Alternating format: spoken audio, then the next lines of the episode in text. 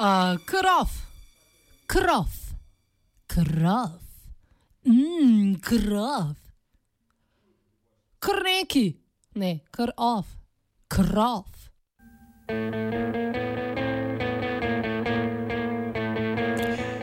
V današnjem krofu se v pričakovanju lokalnih volitev prihodnje leto posvečamo pregledu lokalnih tematik.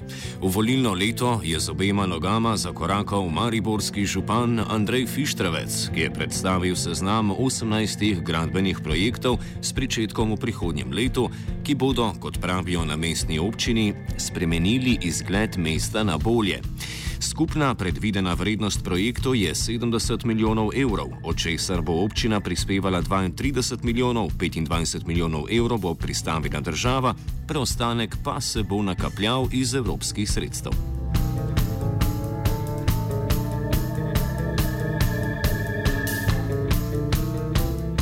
Največ, skoraj 18 milijonov evrov, bo Mariborska občina namenila podaljšku ceste proletarskih brigad.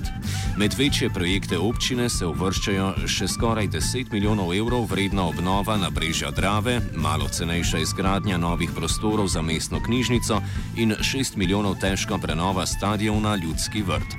Mlajšim voljivcem Fištravec obljublja prenovljen skatepark. O načrtovanih projektih bo občina svoje občane obvestila v brošuri z naslovom Maribor ima priložnost, ki bo natisnjena v 60 tisoč izvodih.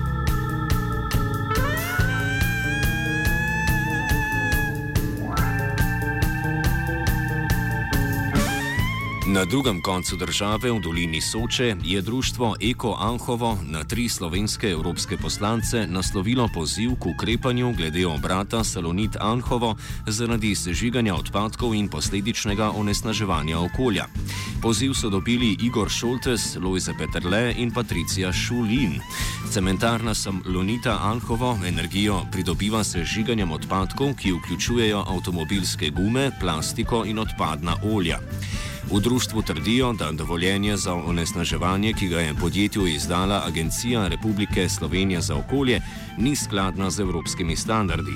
Dovoljen izpust prašnih delcev naj bi bil trikrat večji od evropskih standardov, izpust oglikovih oksidov štirikrat večji, izpust benzena in organskih oglikov pa naj bi evropske standarde presegel za petkrat. Salonit Anhovo odgovarja, da njihova proizvodnja zadostuje ne le vsem evropskim standardom, temveč standardom tako imenovane najboljše razpoložljive tehnologije.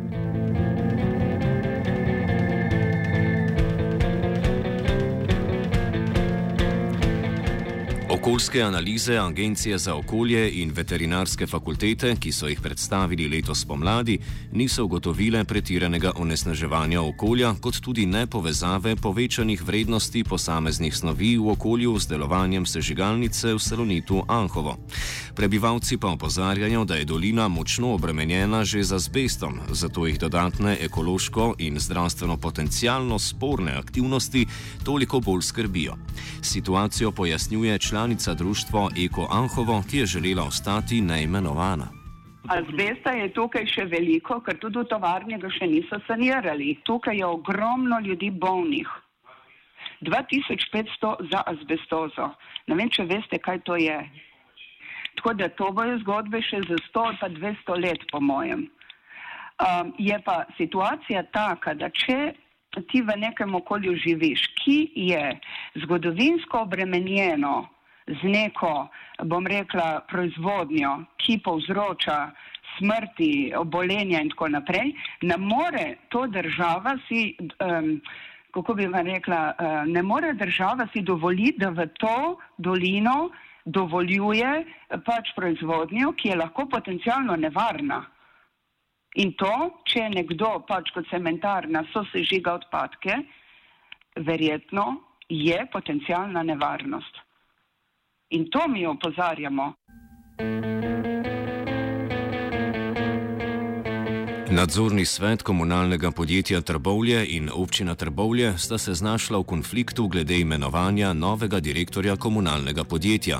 Dosedanjega direktorja Milana Žnidaršiča je okrožno sodišče v Ljubljani na predlog županje Trbovelj Jasne Gabrič imenovalo za vršilca dolžnosti direktorja. Na drugi strani je 18. novembra nadzorni svet podjetja za, podjetja za direktorja imenoval Jožeta Pustoslemška, ko pa je ta 20. novembra prvi prvič prišel v službo, so ga odslovili z obrazložitvijo, da v podjetju nima funkcije.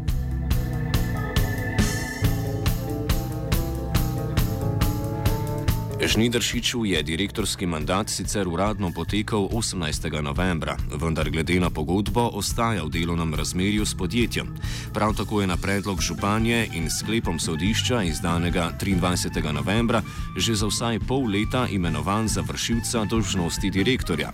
Konflikt se je dodatno zaostril ta torek, ko je po pustoslemškovih besedah v prostorih komunale naletel na Žnidršiča v spremstvu odvetnika, s katerim sta mu preprečila upravljanje funkcije, na katero ga je imenoval nadzorni svet. Pusto Slemšek, ki je kot zakoniti zastopnik podjetja registriran tudi v uradnem IPS-ovem registru, je zato poklical policijo, ki pa je naredila zgolj uradni zaznamek spora. Zaradi domnevnih kršitev je Pustoslemšek proti Žnidršiču že vložil kazensko vadbo. Njegovi očitki pa letijo tudi na vodstvo občine, ki naj bi v primeru imenovanja Žnidršiča prekoračilo svoje pooblastila.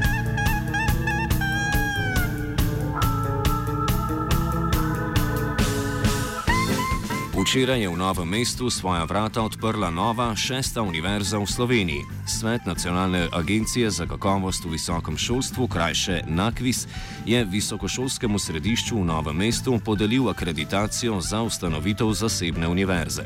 V okviru središča že zdaj delujejo štiri fakultete in sicer za zdravstvene vede, za tehnologijo in sisteme, za upravljanje, poslovanje in informatiko ter za poslovne in upravne vede, ki so ob ustanovitvi postale tudi prve članice nove univerze.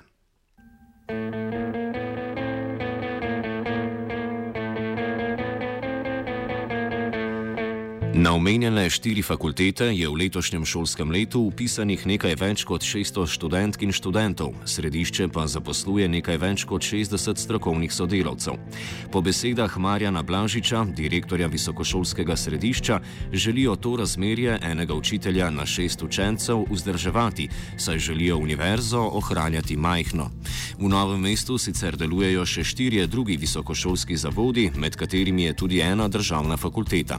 Po Blažičevih besedah so tri že povabili k sodelovanju, pobude k sodelovanju pa bo, sodeč po uradni izjavi, podpirala tudi občina.